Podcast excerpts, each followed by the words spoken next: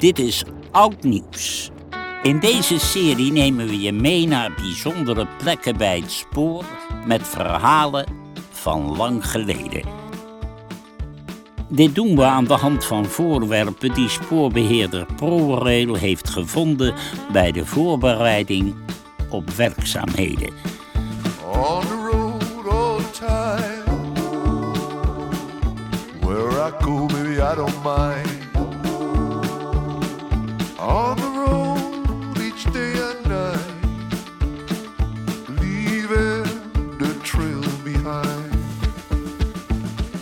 Ga mee naar het Achterhoekse Alme en luister naar de aflevering De Slag om het Twentekanaal.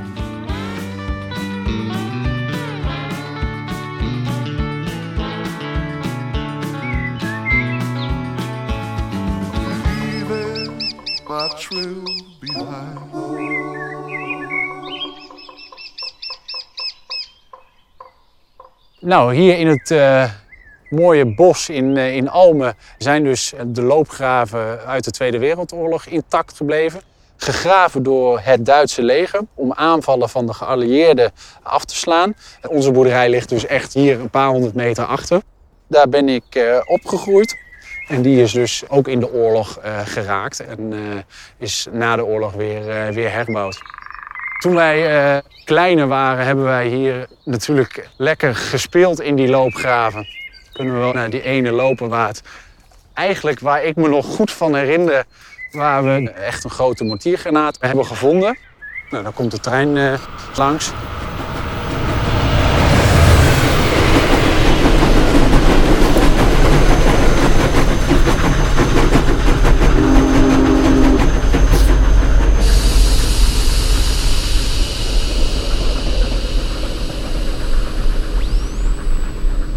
De kinderen van Versteeg moeten onder de wol.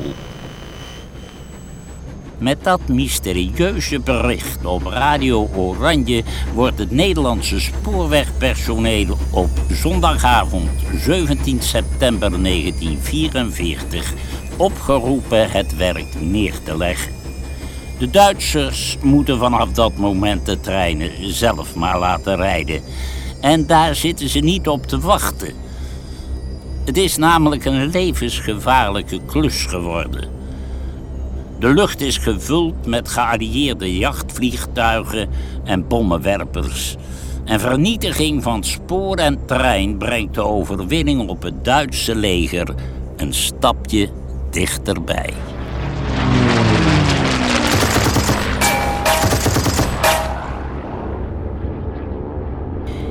In de nadagen van operatie Market Garden stijgen op 6 oktober 1944 enkele vliegtuigen op vanaf de gehavende vliegbasis Volkel in het inmiddels bevrijde Noord-Brabant om verkenningsvluchten uit te voeren.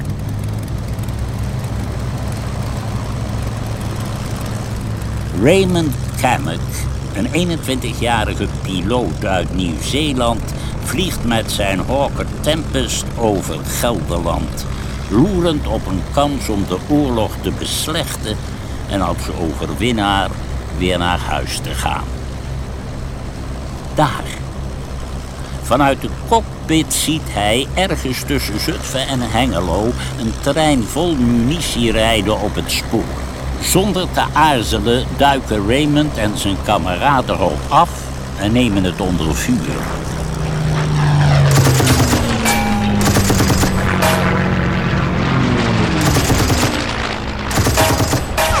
De met explosieven gevulde kogels exploderen tegen het hout en het metaal. De wagons versplinteren en vatten vlam. De trein staat in lichte laaien en de ontploffende lading vliegt in het rond. De kostbare munitie valt tot ver rondom het spoor op de grond.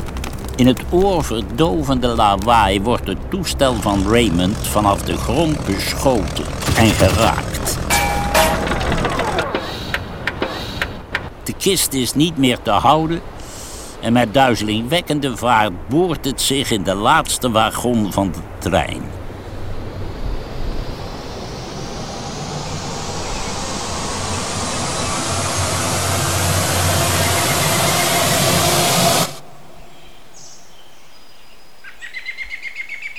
Is het noodlottige einde van een heldhaftig avontuur.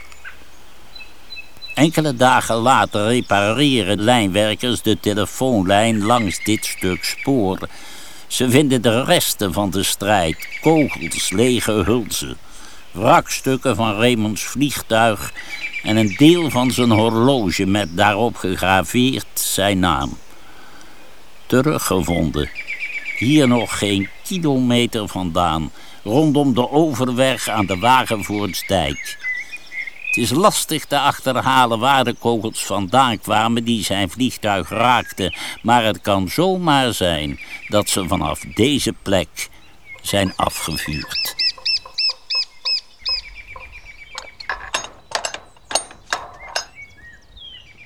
Zo. En uh, als je nu uh, de verte inkijkt, langs de, de bomenlijn en langs het grasland af, kun je nog de, de overweg zien die een paar honderd meter verderop uh, staat. Uh, dat was ook een onbewaakte overweg. En met 99% vast te stellen is dat, uh, dat hij daar zijn vliegtuig in die trein heeft geboord. Tijdens de werkzaamheden zijn ze stukken van zijn vliegtuig tegengekomen. Stukje parachute en zelfs een stukje van zijn horloge. Wat matchte met een stuk van zijn horloge wat dus net na de oorlog veilig is gesteld. En daardoor krijgt dus de tunnel die nu gebouwd is hier de naam van de overleden piloot, Flying Officer R.J. Kemmick.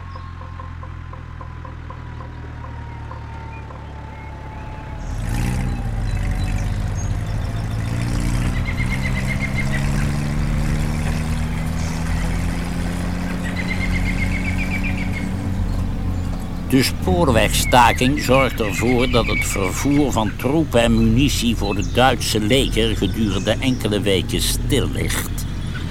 De Duitse regering treedt hier ongekend hard tegen op. Zij blokkeren op hun beurt het vervoeren van eten en brandstof naar West-Nederland door blokkades op te werpen bij havens en wegen. Het eten raakt op en een koude winter breekt aan. De hongerwinter. Het houdt iedereen in zijn greep en de bevolking snakt naar verlossing. Maar dat duurt nog even. Op 23 maart 1945 pakken de geallieerden de bevrijding van Nederland weer op.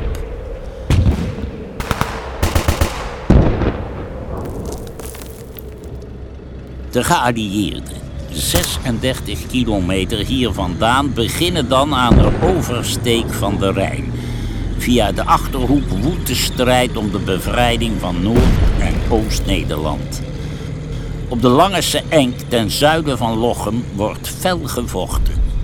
De mensen blijven zoveel als mogelijk binnen en met vluchtige blikken naar buiten proberen zij erachter te komen wat er gebeurt en wat er komen gaat. Willem Olieslag, correspondent voor de Lochemse Courant, schrijft daarover... Alles is nog rustig, doch niemand waagt zich buiten. Zo zitten we de gehele zondag weer binnen. Af en toe staan we aan de straat om iets naders te horen. Er wordt gezegd dat de Tommy's Ruurlo en Bargem gepasseerd zijn.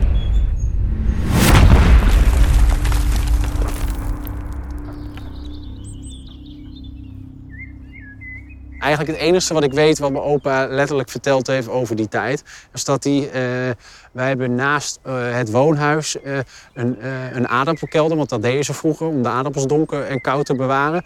dat daar de hele familie vroeger in geschuild heeft, ook na het eind, ook dus in 1945, toen, toen ze hier aan het vechten waren. En toen hebben ze dus dagen in die, in die kelder doorgebracht naast het huis. En daar kwamen ze één keer of twee keer per dag naar buiten om eten te halen en een frisse neus te halen. En dan gingen ze weer naar binnen. En op zijn hoogtijdagen hebben ze daar op een, nou, op een vijf vierkante meter, denk ik, met eh, twaalf mensen van onze familie eh, ingezeten.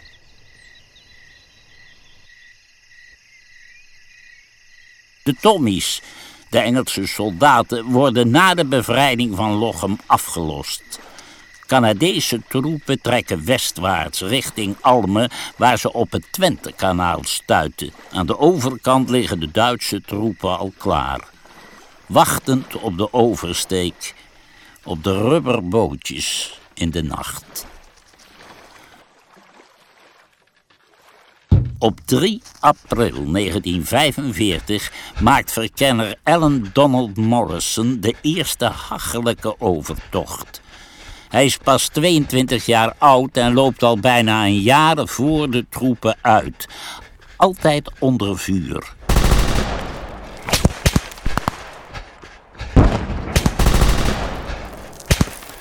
Het einde van de oorlog is al bijna in zicht, maar voor Allen komt het te laat. Op 5 april ontdekken zijn kameraden het levenloze lichaam van de jonge soldaat aan de overkant. De vijandelijke troepen in dit bos aan de Hulserdijk, ze houden de oprukkende Canadezen zo lang als mogelijk tegen. Want generaal-luitenant Herman Plogger heeft het bevel van Adolf Hitler gekregen. Zijn zesde Fallschirmjagerdivision zal hier vanuit loopgraven en schuttersputten vesting Holland tot de laatste man moeten verdedigen. Ze houden stand, maar moeten zich dan toch al vechtend terugtrekken. Over de IJssel richting Amersfoort, waar zij zich uiteindelijk in mei 1945 zullen overgeven.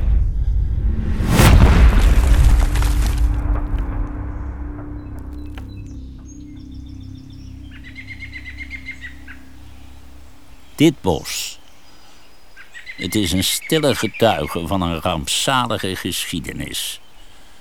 Zie je de contouren van een lange, diepe sleuf, de zigzagvorm nog altijd zichtbaar in het groen, en de schuttersputten daaromheen. Het is een dodelijk ernstige plek in oorlogstijd. Na de oorlog worden de gaten langzaam gevuld met puin en afval, alsof het er hier nooit is geweest. Het wordt uiteindelijk een spannend speelparadijs voor een Achterhoekse jongen. Hem wordt op het hart gedrukt. Niet meer graven in het bos. Want de munitie lag nog altijd daar. Bij deze put heb ik vroeger veel gespeeld uh, met vriendjes en, uh, en vriendinnetjes. Nou, op, een, uh, op een dag hebben we dus een, uh, echt een grote mortiergranaat ook gevonden. En uh, wij wisten destijds niet zo goed wat dat was. Maar vervolgens hebben we die dus meegenomen achter op de fiets, op de snelbinder. En mee naar huis genomen, in de bankschroef thuis gezet. En ook met een hamer en een schroevendraaier opgeslagen. Wat achteraf niet zo handig bleek te zijn. Want toen kwam mijn vader thuis en die wist natuurlijk gelijk wat het was. En wat ook recent nog gebeurd is, hier, hier op de akker waar je op uitkijkt, is uh, aardappelland. En in 2018 hebben wij ook aardappels gerooid. En toen kwamen wij uh, tijdens het rooien op een uh, mortiergranaat terecht, die nog niet was ontploft. En die hadden wij eerst niet in de gaten. En op een gegeven moment binnen in de keeper in de schuur liggen. Uh, dus dat was ook niet een heel fijn uh, gevoel. En die hebben ze toen op het uh, land in het bos laten exploderen.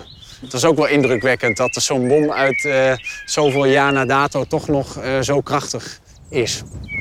Dus nou ja, dat dat was het hier eigenlijk. Dus ik hoop dat jullie een goede indruk hebben gekregen over hoe die loopgraven er destijds uitzagen. ik wil jullie enorm bedanken voor het luisteren en ik hoop dat jullie genoten hebben van de rondleiding. Je luisterde naar De Slag om het Twente-kanaal. Een verhaal van Visionair Ordinaire en ProRail verteld door Joost Prinsen. Ga voor meer verhalen naar www.prorail.nl slash oudnieuws. Tot de volgende keer. On the road all time. Where I I don't mind.